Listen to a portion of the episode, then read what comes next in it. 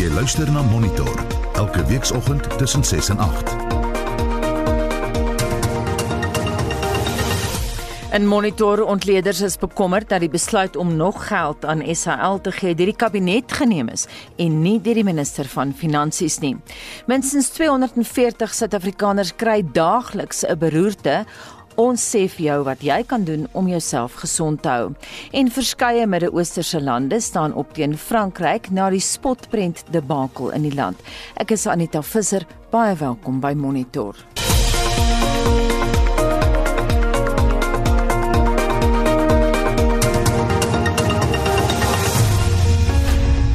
Ontleeders is bekommerd oor die feit dat die besluit om 10,5 miljard rand aan SAL te gee deur die kabinet geneem is en nie deur die minister van finansies nie. Wat beteken dit en wat gaan aan agter die skerms? Ons praat ver oggend met professor Dirk Kotse van Unisa en die hoofekonoom van die Efficient Groep, Dawie Rood. Goeiemôre Dirk. Goeiemôre Anita. Goeiemôre Dawie. Goeiemôre Anita en Dirk.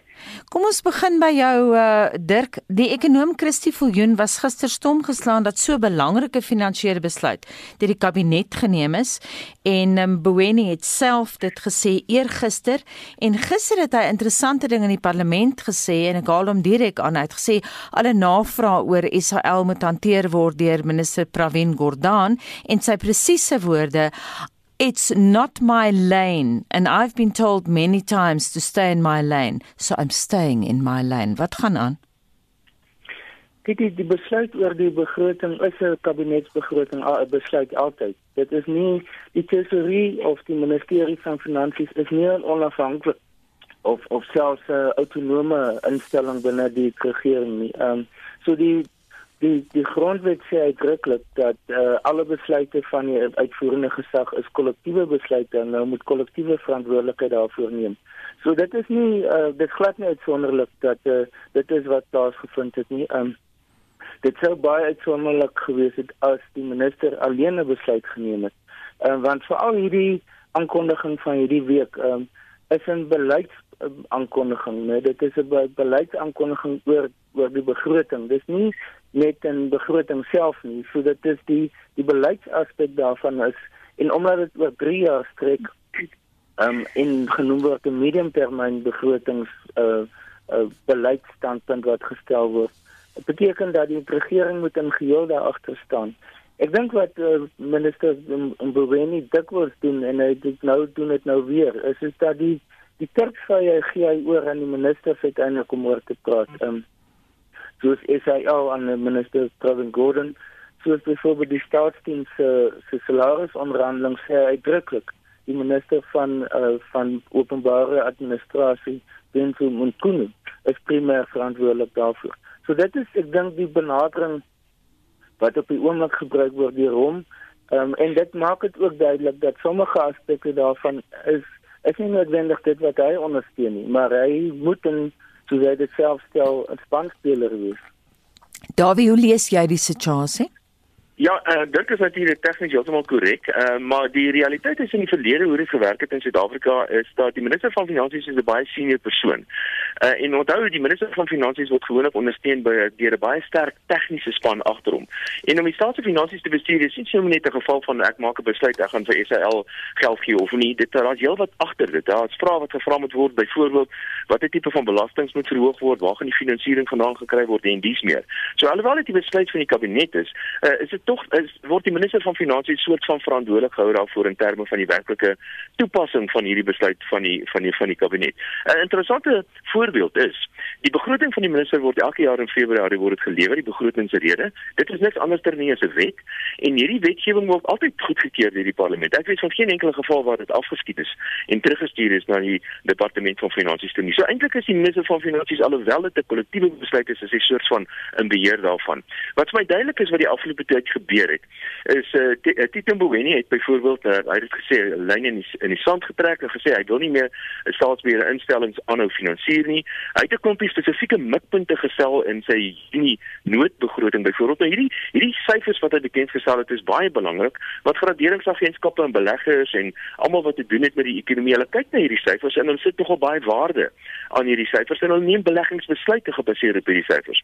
Nou as ons luister na sy mediumtermyn begroting nou woensdag Woensdag, het baie van hierdie syfers iewers skielik verander. So die punt wat ek wil probeer maak, dit lyk my waar die minister van finansies in die verlede half die die sweep geswaai het wanneer dit kom by die begroting en die begrotingsproses, het daardie hele ding nou geskuif meer na die kom ons sê net maar die enige geboue toe. En ons moet ook nog gedagte hou is dat uh, die president het 'n onlangse ekonomiese plan bekend gestel en dit is anderster as die plan van die minister van finansies wat hy 'n klompie maande voor dit bekend gestel het. So dit lyk vir my half asof dit toe Boweni ge, ge, uh, ge demotiveer was of wat is hy hy's gedemout afgegradeer uh, af afgegradeer. Hy's nie meer dieselfde status wat hy gehad het in die verlede nie.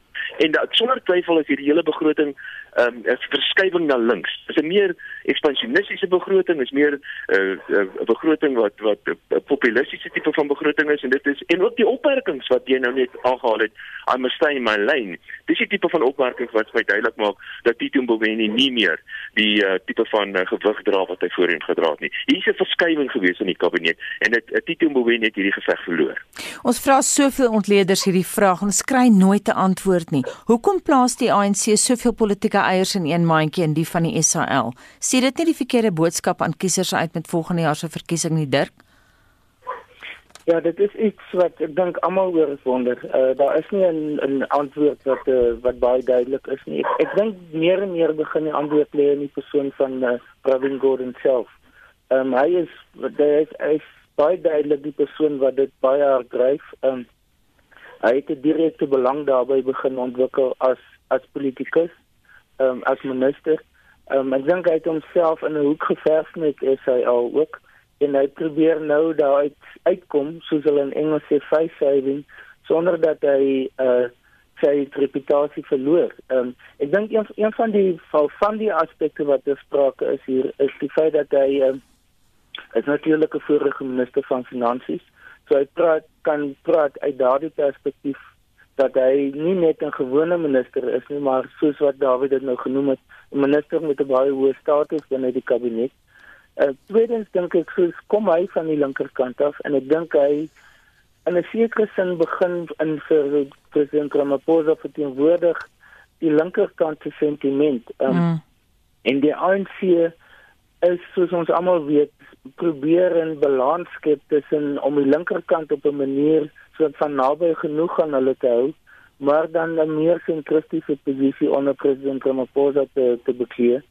Ehm um, in terselfdertyd om die die vakbonde naby genoeg aan hulle te hou, byvoorbeeld die uitspraak nou na hierdie uh, medium uh, termyn begroting van noem sou wat baie positief geweest oor die feit dat hierdie bedrag betaal gaan word. Um, en ek dink as gevolg daarvan en en ek dink wat terselfdertyd is die die feit dat eh uh, Gavin Gordon oor baie jare eintlik die die figuur was binne die kabinet wat die die vlam laat laat brand het verhoop in 'n tyd van die van die Zuma periode ehm um, waar daar groot probleme was uh, aan die aan die finansiële kant. So in 'n sekere sin is dit die die erkenning wat hy nou kry vanaf die kabinet en pre president Ramaphosa wat hom deurtrek, maar teen 'n baie hoë koste. Mm. Dit is baie hoë koste vir ons almal. So ek dink dit is dis iets wat na later na gekyk gaan word en sê maar dit was heeltemal irrasioneel wat te wille van die politieke oorwegings wat nou bestaan in um, word vind dit plaas. So ons moet sien vorentoe, maar dit is dit is nie omkring die enigste manier hoe dit kan verduidelik. Dawie, is daar nou 'n patroon gevestig vir die toekoms wat finansiële besluite betref? Ja, sekerlik, ek dink hier is 'n patroon gevestig, maar ek sien ook uh, een of twee gebeurtenisse wat wat goed wat aan die gebeur is wat ek dink ons almal van kennis moet dra. Miskien moet ek net verder byvoeg wat uh, oor die minister van of minister uh, Pravin Gordhan, hy was die minister van finansies. Uh, en ek ek ek ontleed al hierdie syfers en ek kan vir jou sê die Pravin Gordhan was die minister van finansies wat wat in beheer was van die staat se finansies toe die staat se finansies eintlik heeltemal in duie begin stort het. En dit het die redes daarvoor is 'n geweldige toename in die salarisrekening terwyl hy daar was as minister van finansies en natuurlik hierdie reuse bedrag geld vir wat staatsbeheerde instellings gegee is terwyl hy minister van finansies was. Ek weet hy's die hy's die darling van die pers, uh, maar maar die realiteit is is dat hy's waarskynlik die minister van finansies wat bestuur was toe die staatsfinansies die die meeste en die vinnigste agteruit gegaan het in die geskiedenis van Suid-Afrika. Nou is hy die minister van staatsbeheerde instellings en nog steeds doen hy presies dieselfde. Hy meng in met die bestuur van die staatsbeheerde instellings. Dis geen geheim nie. En en en ek dink hy het so van 'n gevestigde belang daarin wel die minister van finansies was en nou net die minister van staatsbeheer instellings was om aan te hou met hierdie spandabelrigheid. Die patroon wat nou gevestig was, ja, sekerlik hulle gaan aanhou om dit te doen en daar's 'n lang lys van staatsbeheer instellings wat nog geld wil hê. Uh, omtrent elke denkbare een van hulle is finansiëel en ek moet sê operasioneel in die afgrond in bestuur ook. En dit is nie die einde hiervan nie. Ernstig moet daar soos die toe mense gesê die lyne nie in die sand getrek word. Maar ek dink hier is anderste wat ons van bewus moet wees. En dit is ons het nou werklik waar die einde van die paadjie bereik in terme van finansies. Die staatsfinansies is so verskriklik diep in die gemors dat daar nou regtig nie meer geld is nie en dit gaan onvermydelik daartoe lei dat sekere belangegroepe nou gaan begin op stamp en ons sien dit reeds.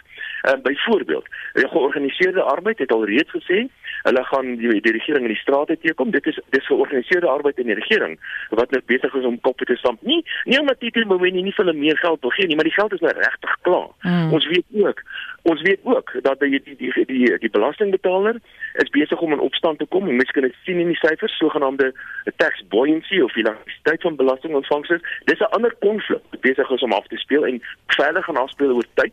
Daar's 'n konflik binne in die kabinet ook. Dit kan ons sien en hierdie konflik lyk like net met Tito Mboweni nou begin verloor. So ek dink wat nou en ek dink selfs dit is baie moontlik en miskien kan Dirk daarop uitby. Is dit baie moontlik dat ons miskien kan sien dat die drie partye alliansie uiteindelik uitmekaar gaan val as gevolg van onder andere arbeid en miskien selfs die kommunistiese party. So hierdie die feit dat ons aan die einde van die van die paadjie bereik het in terme van wat ons kan bekostig, gaan moontlik selfs die politieke landskap in Suid-Afrika oor tyd verander. Dirk, wil jy uitbrei daarop uit nou die bal vir jou aangegee? Ja, in 'n mate het dit reeds plaasgevind. Ehm um, Kusatu het het gesplit. Ehm um, en en die sin dat eh uh, Zuma Zimbabwe is weg, die South African Federation of Trade Unions is gevorm noem as weg daar. Uh Kusate het in 'n groot mate nou net in 'n uh, openbare sektor vakbond beweging geword. Ehm um, so in 'n sekere sin is is is, is dit dit, dit reeds plaasgevind. Ehm um, die SAP SAP is na my mening nog oor al die tye is daar is 'n hele klomp mense wat lede is van hulle maar as as organisasie as beweging as party ehm um, het hulle veral onder leiding van Blyton Zimando ernstig teruggesak um, en is nie meer die faktor wat dit vroeër jare was nie. Die tipe van rol wat hulle speel is deur deur nou deur individue um, en nie meer as 'n as 'n eenheid as as 'n soort van 'n denkskrim binne die ANC nie. So en daardie sin is die alliansie dink ek speel 'n baie kleiner rol. Nou wanneer laas het die alliansie bymekaar gekom? Mm. Ehm um, dit is bitter selde dat die, die sogenaamde politieke raad van die alliansie werklik uh, by mekaar kom en wat mense kan sien hoe die verskillende organisasies beding met mekaar om uiteindelik by 'n beleidsposisie uit te kom. So ek dink die die alliansie as 'n konsep word oorgryf die afgelope tyd. Dit was hoogs belangrik voor 1990 um, en het 'n baie simboliese rol gespeel, maar in die praktyk speel dit nie meer dieselfde rol nie. Veral veral as gevolg van die ver, ver, vir die die kwyning wat daar plaasgevind het binne Kusatu. Neem byvoorbeeld die National Union of Mine Workers wat altyd hulle belangrikste in tweedens noem sou. Wat hulle tweede belangrikste vakbond is. Ehm um, die National Union of Mine Workers is 'n skade wie van wat dit van tevore was en noem hmm. is weg. Hmm. Daar het gister 'n interessante gesprek met jou kollega Chris Harmse gehad en hy het vir my gesê daar word groot gewag gemaak dat die geld van onderwys, polisie en die gesondheidsdienste weggevat gaan word om SAL te finansier, maar niemand sê iets oor die feit dat die NVG 200 miljoen rand minder gaan kry om SAL te help nie. Wat sê dit vir ons van die staat se prioriteite? Daar wie is jy daar? Dirk, is jy daar? Ja. Ehm um, Ja, ek ek, ek dink wat ons hier sien is 'n blote feit dat hulle het gaan skraap vir geld en gaan soek vir geld op enige plek. Ehm um, en dat, dat dit wat nou oorgebly het is hierdie in hierdie departement nou genoem het. Uh, gesondheid, onderwys, die nasionale vervolgingsgesag en ander. Dis dis 'n aanduiding van hoe ehm um, hoe desperaat ek dink die die dis in die regering in die algemeen om om bloot net bronne te vind um, ongeag wat die implikasies daarvan natuurlik is. So dit dit is die ek dink die negatiewe kant van wat baie duidelik uitkom in die feit dat dit die dat dit die, die plek is waar hulle die geld gevind het daarvoor. Dirk Goeienis, ons het weer vir Dawie. Dawie, kan jy my hoor? Ek kan jou hoor nie, Davie, ekonome wys keer op keer op monitor na die feit dat daar maar 'n skamele 10000 werksgeleenthede by SAL op die spel is. Maar soos wat Dirk nou net reg gesê, die ekonomiese prys wat betaal word is baie hoog en dit vir relatief min werksgeleenthede. Weereens, wat is die soos die Engelse sê die backstory. Wat mis die media omtrent hierdie storie? Want ons praat baie wyd hieroor. Ons praat van die rekord of ek praat van ja. beide Gustaf, albei Gustaf en ek en ons praat met baie mense. En niemand kan vir ons sê wat aangaan en daar word bespiegel. Maar daar is 'n slang hier in die gras. Anita, weet jy, ek kan daai vraag nie antwoord nie. Ek kan miskien een of twee goeders um, aan dink. Een of van soos wat ek net genoem het, dit is 'n dit 'n persoonlik Dawie het ons jou weer verloor. Goed, ons het Dawie weer verloor. Dirk, miskien kan ons aangaan na iets anders toe. Jy het nou nou vlugtig verwys na die vakbonde se eise wat bestuur moet word en so aan. En uh, die beoogde vries van staatssalarisse is natuurlik ook 'n probleem. Dit lyk vir party mense en ons kry baie SMS terugvoer hier oor Dirk dat die vakbonde die land bestuur. Hoe sien jy dit as politieke wetenskaplike? Nee, ek dink nie so nie. Ek, een ding wat ons vergeet, nou is ons kan terug gaan gaan in die geskiedenis in 'n periode soos byvoorbeeld um, 1998. Um, en dit was die tyd toe president Mandela en adjunk president Thabo Mbeki die die beleid van Geer geïmplementeer het. En in 'n sekere sin dink ek is ons is daar baie sterk parallelle tussen dit. Um, en een van die aspekte wat daar ook te sprake gekom het was om die staatsdiens se begroting te verminder. Um, En dit het gelei tot 'n baie uitgebreide staking.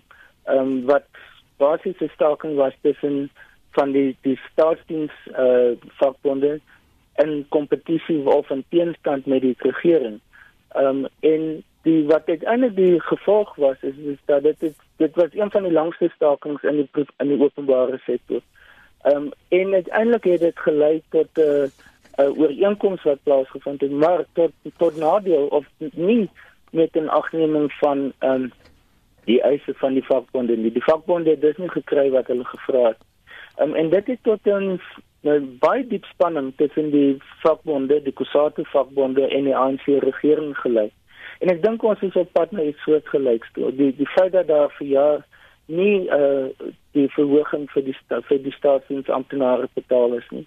Ehm um, en dat die aanleiding nou gegee is hierdie week ehm um, in hierdie beleidsbegroting dat ehm um, daar die volgende 3 jaar dit naaste by dieselfde gaan wees, hmm. gaan o, gaan onvermydelik beteken dat daar 'n 'n koppestand gaan plaasvind, dat daar 'n soos 'n 'n Engelse stand-off gaan tot stand kom. En dit gaan in openbaar plaasvind. En dit gaan nie iets wees vir president Ramaphosa en vir die Tongweni en vir die minister van openbare on, um, administrasie en so in in Kunu van dit waar of hulle so 'n streep in die in die sand kan trek. Mm. En uh, ek dink dit dit gaan vir ons wys of daar werklik 'n kentering gaan plaasvind en of hierdie plan die tesorieplan van einde verlede jaar en nou hierdie verskillende planne of dit werklik implementeerbaar is en of daar 'n politieke kommitment is. Mm om uiteindelik dit te implementeer.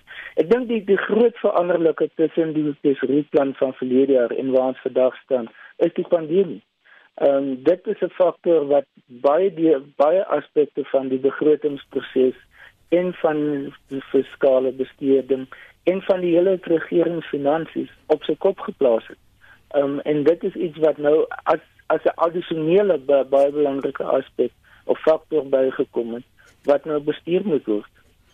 Baie dankie dit aan die mening van professor Dirk Kotse van Unisa. Ons het intussen vir Dawie Rood verloor, maar ons het ook insette gehad van Dawie Rood, hoof-ekonoom van die Efficient Groep vanoggend. Dit bring ons by 7:29 en ons gaan gou na die hooftrekke. Jy luister na Monitor elke weekoggend tussen 6 en 8. In die nuus se lid van die Britse Hoërhuis, Pieter Hein, het die Britse regering gevra om sanksies in te stel teen die Guptas oor wat hy noem die plundering van sowat 7 miljard rand van Suid-Afrikaanse belastingbetalers se geld. In monitor vanoggend, Frankryk is op die hoogste vlak van sekuriteit geplaas nadat twee vroue en 'n man in 'n kerk in Nice vermoor is. En Leon van Nierop bespreek vandag 'n nuwe Afrikaanse wetenskap fiksie rolprent Wesens en 'n Suid-Afrikaanse wil wilde weste fliek met drie vroue, Flatland. Bly by ons.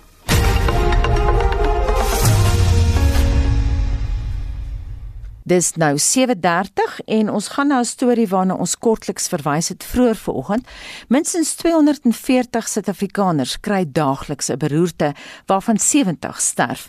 Dis nou ook die rede hoekom die Suid-Afrikaanse Mediese Vereniging, oftewel SAMA, elke jaar 'n week afstaan om bewussyn daaroor te kweek.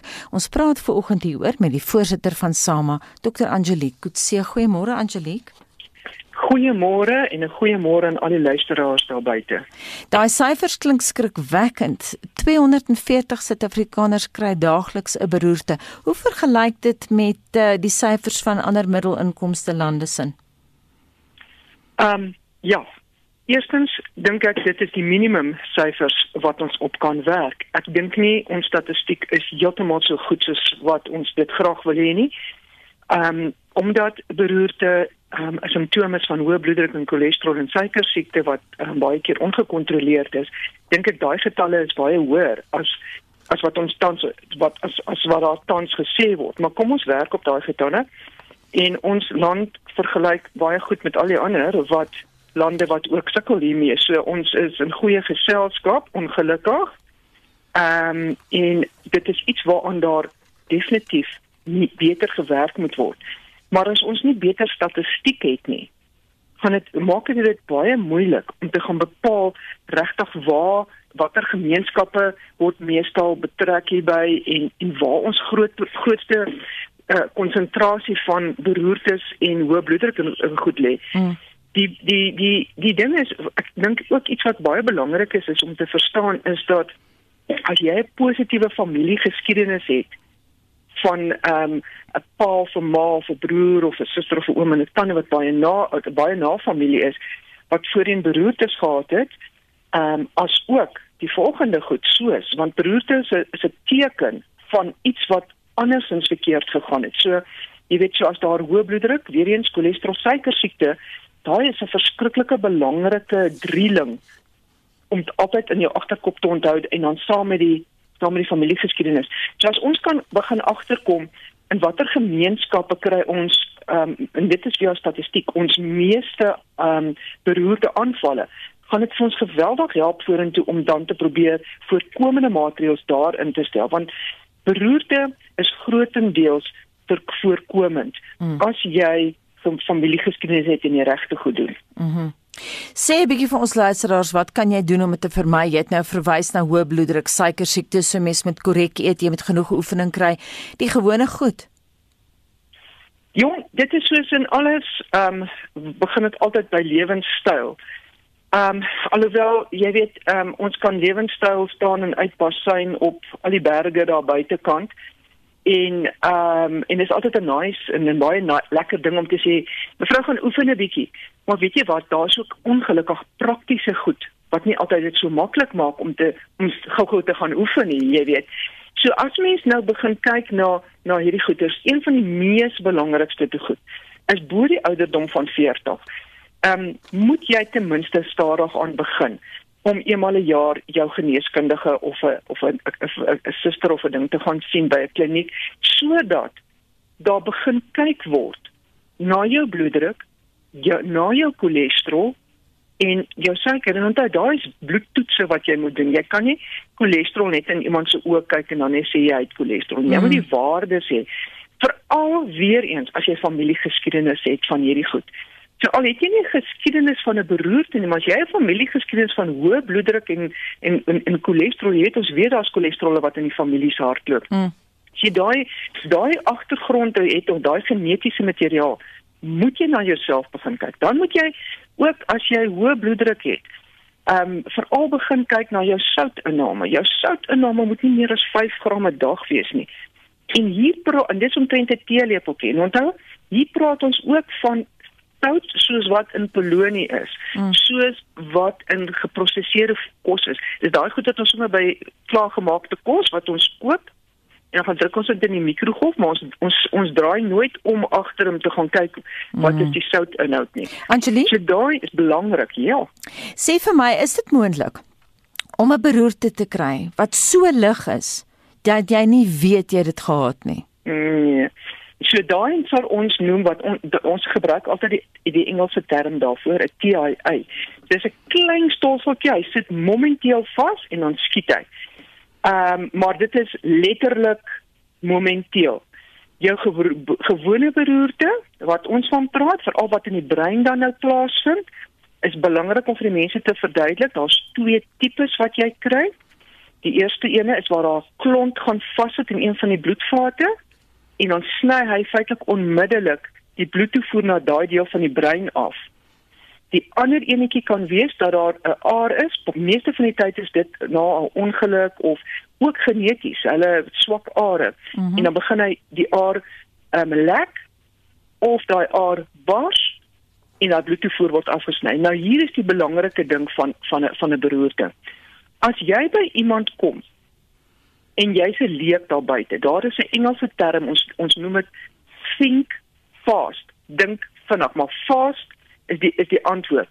Die eerste ding wat jy na kyk as jy 'n leek is, jy kyk na die gesig, na die face.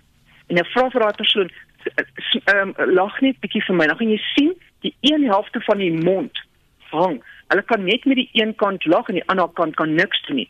So die eerste gedeelte is die F staan vir face, die A staan vir arms. Vra vir die persoon, lig gou vir my jou twee arms op. En en hulle kan nie. Hulle kan een arm glad nie oplig nie. En dan praat speech. So die die S staan vir speech en dan vra net vir die persoon, "Mamma sê net vir my goeiemôre." Mm. Hulle gaan dit nie kan doen nie. Hmm. En dan die mees belangrikste ding is time. Die T staan vir tyd. Um beroerte hardloop jy teen tyd. So as jy iemand kry wat nou beroerd het, as jy vanoggend in jou mamma se kamer inkom en jy het hierdie fast ding, sy kan nie praat nie, gesig hang, kan nie arm oplig nie. Jy kry onmiddellike ambulans en jy jy bel nie eers 'n dokter nie. Jy kry jou ambulans en jy vat daai persoon moet na die naaste hospitaal toe gaan waar daar dan 'n scan gedoen kan word op daai brein.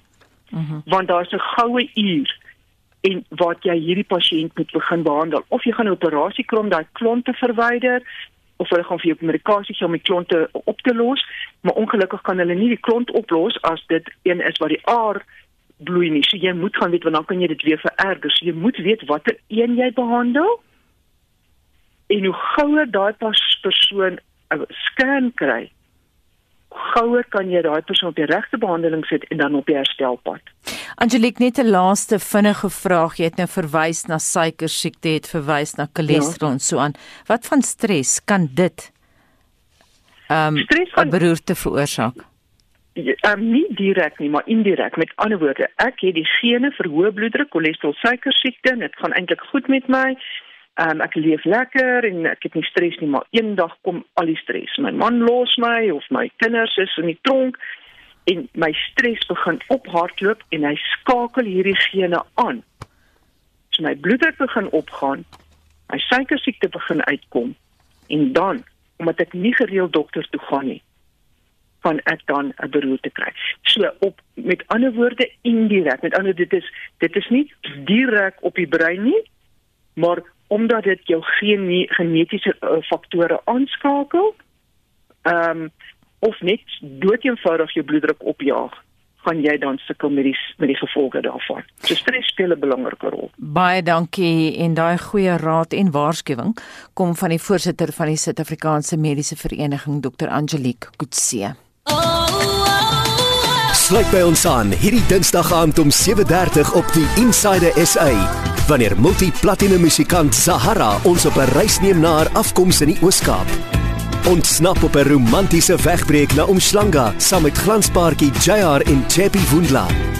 En kuier by die kleurvolle ateljee van die internasionaal bekende meubelontwerper Larry Wit. Dis die Insider SA hierdie Dinsdag aand om 7:30 met herhaling Sondagmiddag 12:00 slegs op SABC3. Die is vir jou. Ek's 55, maar het nog baie doen dinge op my wenslys. Jy is dalk nie 'n noodsaaklike werker nie, maar ook jy het jou deel gedoen om Mzansi te maak werk. So hier is jou kans om in 5 miljoen rand te deel wanneer jy 'n Nedbank elektroniese Optimum Plus rekening oopmaak of daarin herbelê. Jy betaal geen gelde of kommissie nie. Doen vandag nog aansoek op die Nedbank Money Toep. Nedbank is 'n gemagtigde FTV en geregistreerde kredietverskaffer. Besenfees geld. See money differently. Nedbank.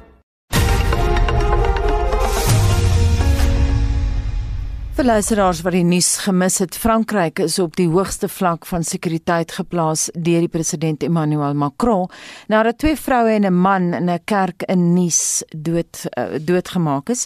Esie de Klerk het vir ons meer besonderhede. Is die baie groot nuus internasionaal as mens kyk na al die netwerke volgens BBC Sky, almal dra daai storie.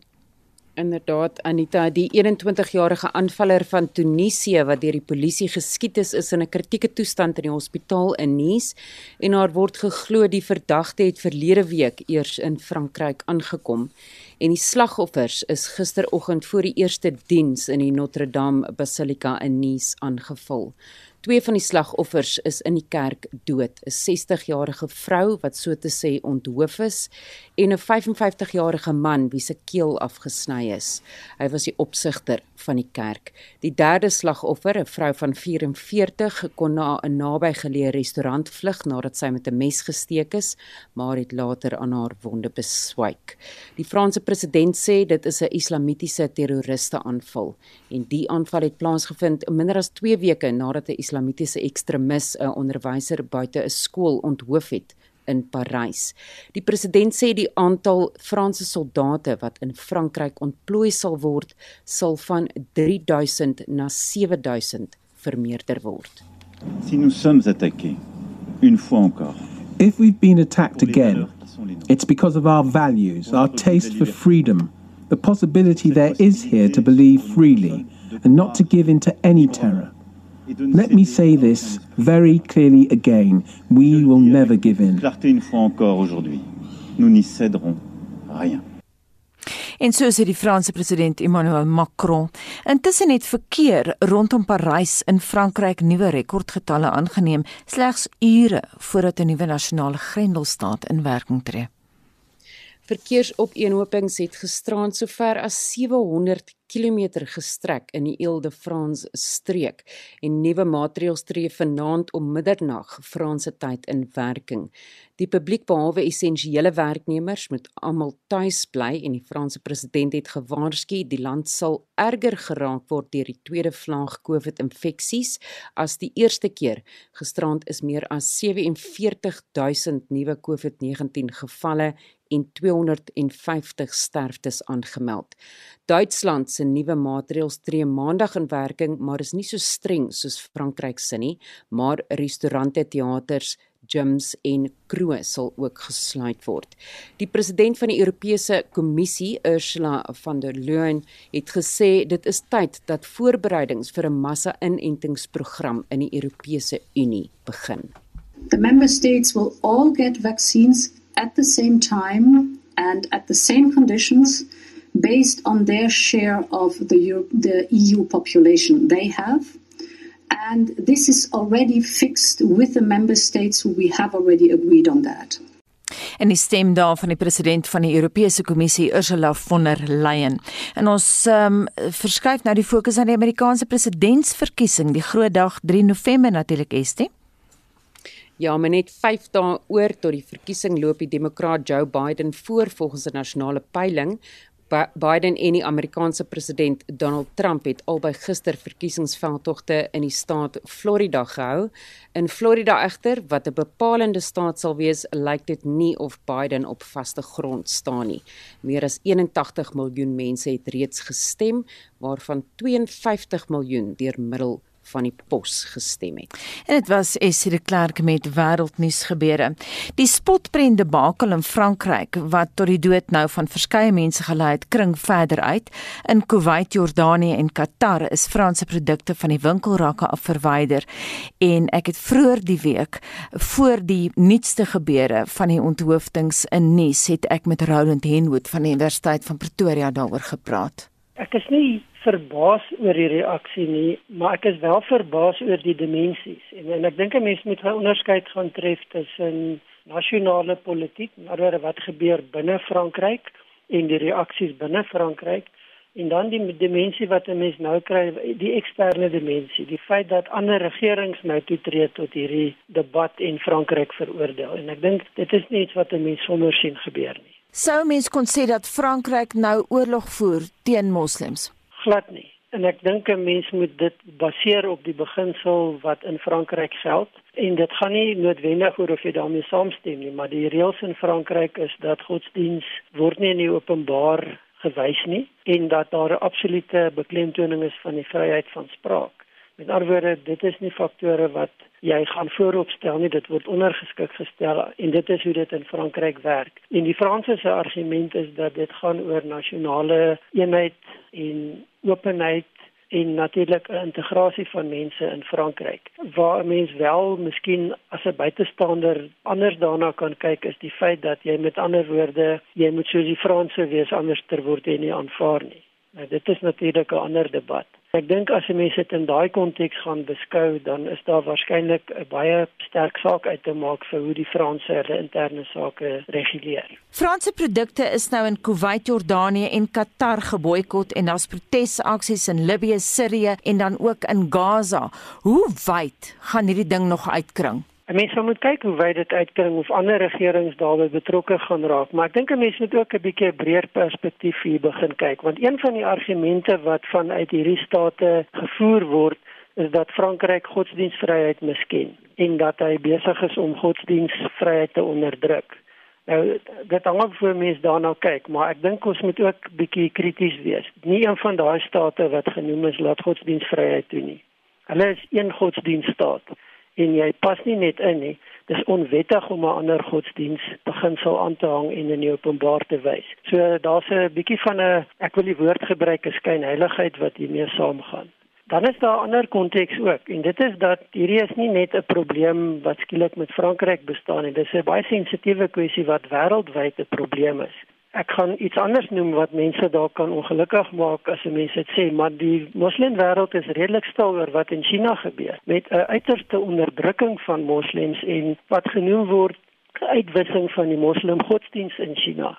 En ek dink dit is vir my hoekom 'n mens krities na die eksterne konteks moet kyk. Tot watter mate gaan dit oor 'n anti-Franse gevoel of gaan dit oor die beginsels van godsdienstvryheid en hoe 'n staat regeer word binne daai konteks? En daar's groot verskille tussen hierdie dimensies wat ek uitgelig het. Dit is net vir my asof die debat nie binne daai konteks plaasvind en die aktiwiteite en optrede nie binne daai konteks plaasvind nie. Roland vroeër die maand het president Macron beloof om wat hy genoem het islamitiese separatisme met hand en tand te beveg. Gaan hy dit regkry? Dit is nie 'n nuwe benadering nie, dis nie 'n nuwe standpunt nie. Ek wil amper sê is nie 'n nuwe dreigement nie. Dit is iets wat ons oor 'n lang tyd gesien uitspeel het die sogenaamde war on terror is maar 'n voorganger hiervan. En ons weet dat Wes-Europa en Frankryk onder andere was ten diepste en ten nouste betrokke daarbey.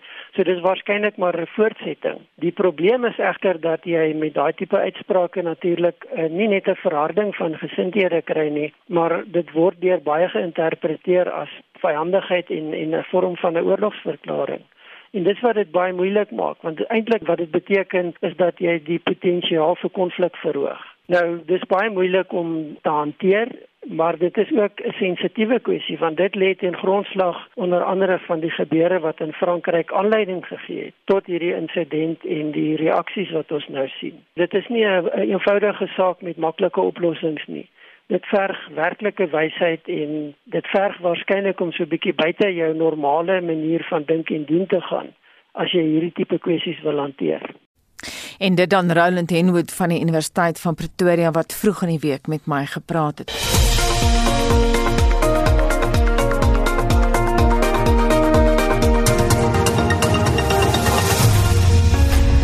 Sewe 50 ons plaas die fokus op sport en hier is Pieter van der Berg. Goeiemôre. Môre Anita. Pieter verlede naweek moes 'n rugbywedstryd of twee gekanselleer word. Wat is die vooruitsigte vir die naweek? Ja, sover lyk like, sake rooskleurig en talle wedstryde sal gespeel word. Die drie plaaslike Super Rugby wedstryde wat geskeduleer is, begin reeds vanaand en die groen lig is gister gegee vir die wedstryd tussen die Lions en Griquas vanaand in Johannesburg. En die wedstryd sal om 7:00 afskop met Johan Tormalen wat sal verslag doen oor die wedstryd. En dan môre middag om 05:30 is dit die Pumas en die Chance wat in Nelspruit mekaar takel en Dion Skuman sal ons op hoogte hou van gebeure daar. En môre aand om 7:00 sal RSG volledige kommentaar uit oor die wedstryd tussen die Bulls en die Stormers op Wolfsburg. Ek en Jody Hendrik sal kommentaar ook wees. En dan op internasionale vlak pak uh, Australië en Nieu-Seeland mekaar okay. môreoggend om kort voor 11 en dit is in die drie nasies reeks en dan in Europa ons die ses nasies reeks wat môre middag uh, nie minder nie as drie wedstryde wat geskeduleer is daar. Wales speel teen Skotland om kwart oor 4, Italië teen Engeland om kwart voor 7 die aand en dan Frankryk teen Ierland om 5 oor 10 môre aand. En dan drie golftoernooie word tans gespeel Pieter en een van hulle eindig reeds môre. Ja, dis een in die plaaslike sonskyn reeks, dis die 50ste rol Swazi Ope wat daar op die Gary, Gary Player baan by Sun City gespeel word. Hy loop môre dan ten einde, maar na die tweede ronde gister het 50 spelers vir die laaste twee rondes gekwalifiseer op die voorlopersbord spog Daniel van Donder met plus 27 punte. Niels Skietekat en Oliver Becker 10 punte agter hom op plus 17. En dan in Europa, dit is uh, die eerste Cyprus Ope wat gespeel word. Nou na die eerste ronde is Johannes Veerman en Mitch White die voorlopers op 700. Drie Suid-Afrikaners Anders is vier houe agter hulle op -3 of 300 dan. Dis uh, Louis die Jager, Wilco Ninaber en Gary Higo. En dan op die Amerikaanse PGA Tour is dit die Bermuda Kampioenskap wat gister begin het. Ek sien Brandon Grace is op 10 uh, twee houe oorsyfer. Die voorloper is Pieter Malnati, hy's op 800 syfer. Ons kan nie eindig sonder om uh, oor sokker te praat nie want dit is die naweek half eind op die sokkerveld. Ja, dis baie waar. Dit is uh, môre dan in die Orlando Stadion waar Orlando Pirates teen Kansas City speel. Dis in die NTN 8 kompetisies halfeind en dan uh, Sondag is dit die eerste been halfeind tussen SuperSport United en Bloem Celtic. Daardie wedstryd is om 3 uur en vanaand in die Engelse Premier Liga, Wolverhampton Wanderers wat teen Crystal Palace speel, daardie wedstryd sal om 10 uur plaasvind. Baie dankie dit dan Pieter van der Berg. Dis nou 7:52 en Leon van Nierop het passie ingestap. Goeiemôre. Goeiemôre liewe Anita. Goeiemôre liewe Leon. jy het nou van dese week twee plaaslike flieks en 'n komedie gesien.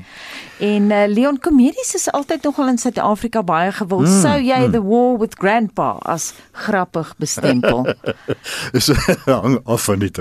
Dis altyd jammer dat Robert De Niro, daai swaar gewig akteur, deesdae 'n lighartige kinderfliek speel. Maar hy kan seker ook nie net Raging Bull doen nie, kan hy?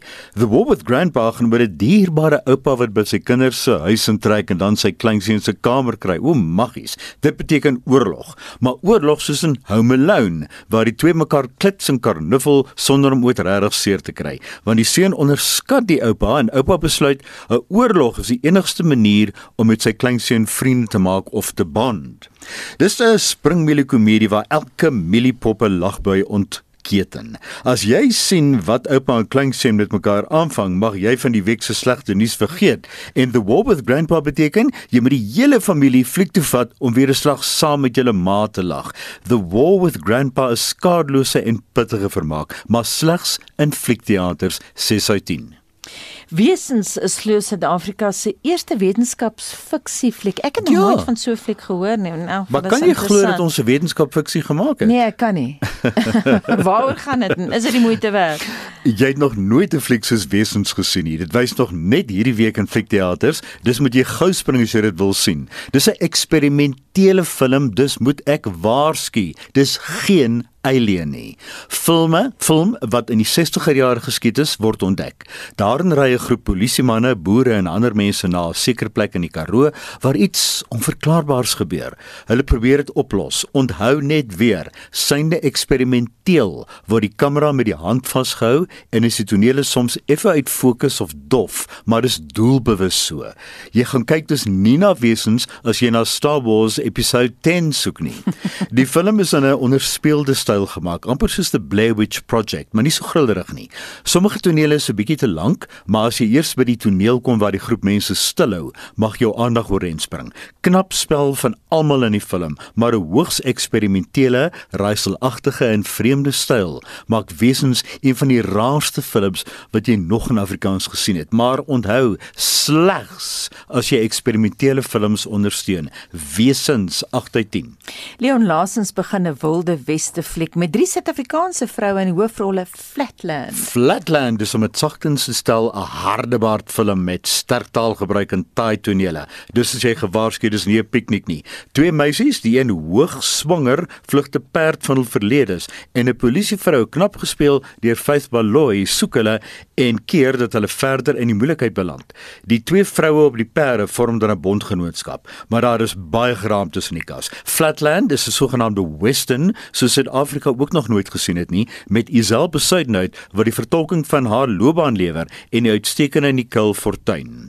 'n Rateltaai film waarin harde vroue met skeermesmonde praat lees ook die resensies op rsg.co.za klik op fliek rubriek onderaan die bladsy en ek moet net sê dat Flatland 8 uit 10 kry. Ek het nou so gehou van die manier waarop jy sê rateltaai, doen dit weer. Rateltaai vroue nou wees gewaarsku. Politieke kommentators het hierdie week Julius Malema se verneinige tirades en aanvalle op sondebokke veroordeel. Die hoofredakteur en uitvoerende direkteur van die Woordeboek van die Afrikaanse taal, Dr Willem Botha, ontleed vanoggend die woorde verneinig en sondebok. Toe dit onlangs in Senekal aan die EFF leier gestel is dat sy roekelose optrede 'n burgeroorlog kan ontketen, het hy ontplof. Laat dit dan so wees. Volgens 'n rubriekskrywer van die Sunday Times het hy hierna losgetrek met 'n verneinige tirade teen die huidige leiers wat die gemors in die land veroorsaak het. Ek wil 'n bietjie stil staan by daardie verneinige tirade. Vernyn is 'n erge giftigheid, 'n hatigheid of 'n bitsigheid teenoor iemand anders. Die Woordeboek definisie van vernyn is 'n erge giftigheid teenoor iemand anders is nogal ironies, omdat vernyn teruggaan na die Latyn venenum wat letterlik gif beteken. Tirade het ons uit Nederlands gekry, maar dit kom eintlik uit die Italiaans tirata wat woordevloed beteken. Letterlik en volgens die oorspronklike betekenis is 'n verneinige tirade dus 'n giftige woordevloed. Die rubriekskrywer van Sunday Times vervolg dat meneer Malema voortdurend 'n vuur soek waarop hy olie kan gooi en Senekal was net nog 'n situasie vir hom om uit te byt en die wit boere die perfekte sondebokke om die skuld op te pak. Die woord sondebok word so dikwels verkeerd gebruik dat die verkeerde gebruik nou 'n tweede betekenis van sondebok geword het.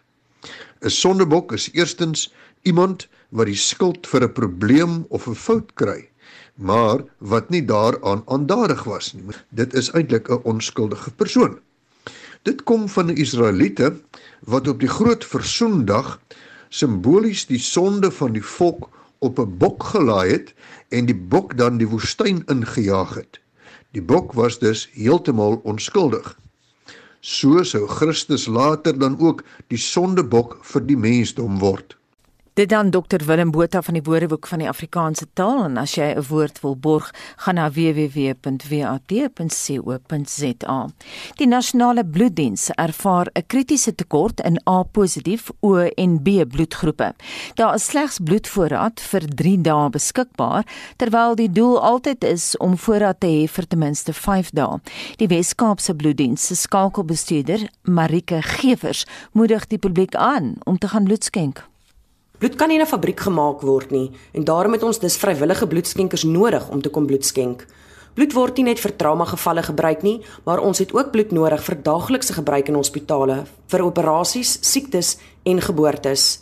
Ons ervaar 'n nasionale tekort aan bloed en maan alle geskikte skenkers aan om asseblief hulle naaste bloedskenkkliniek te vind en vandag nog bloed te skenk. Skenkers kan gerus wees dat alle voorsorgmaatreëls in plek gestel is en dat dit steeds veilig is om bloed te skenk dit aan die Weskaapse bloeddiens se skakelbestuurder Marike Gevers. Ek groet namens ons waarnemende uitvoerende regisseur Hendrik Martin, die redakteur vanoggend was Justin Kennerly, ons produksieregisseur Lewona Bekes. My naam Anita Visser.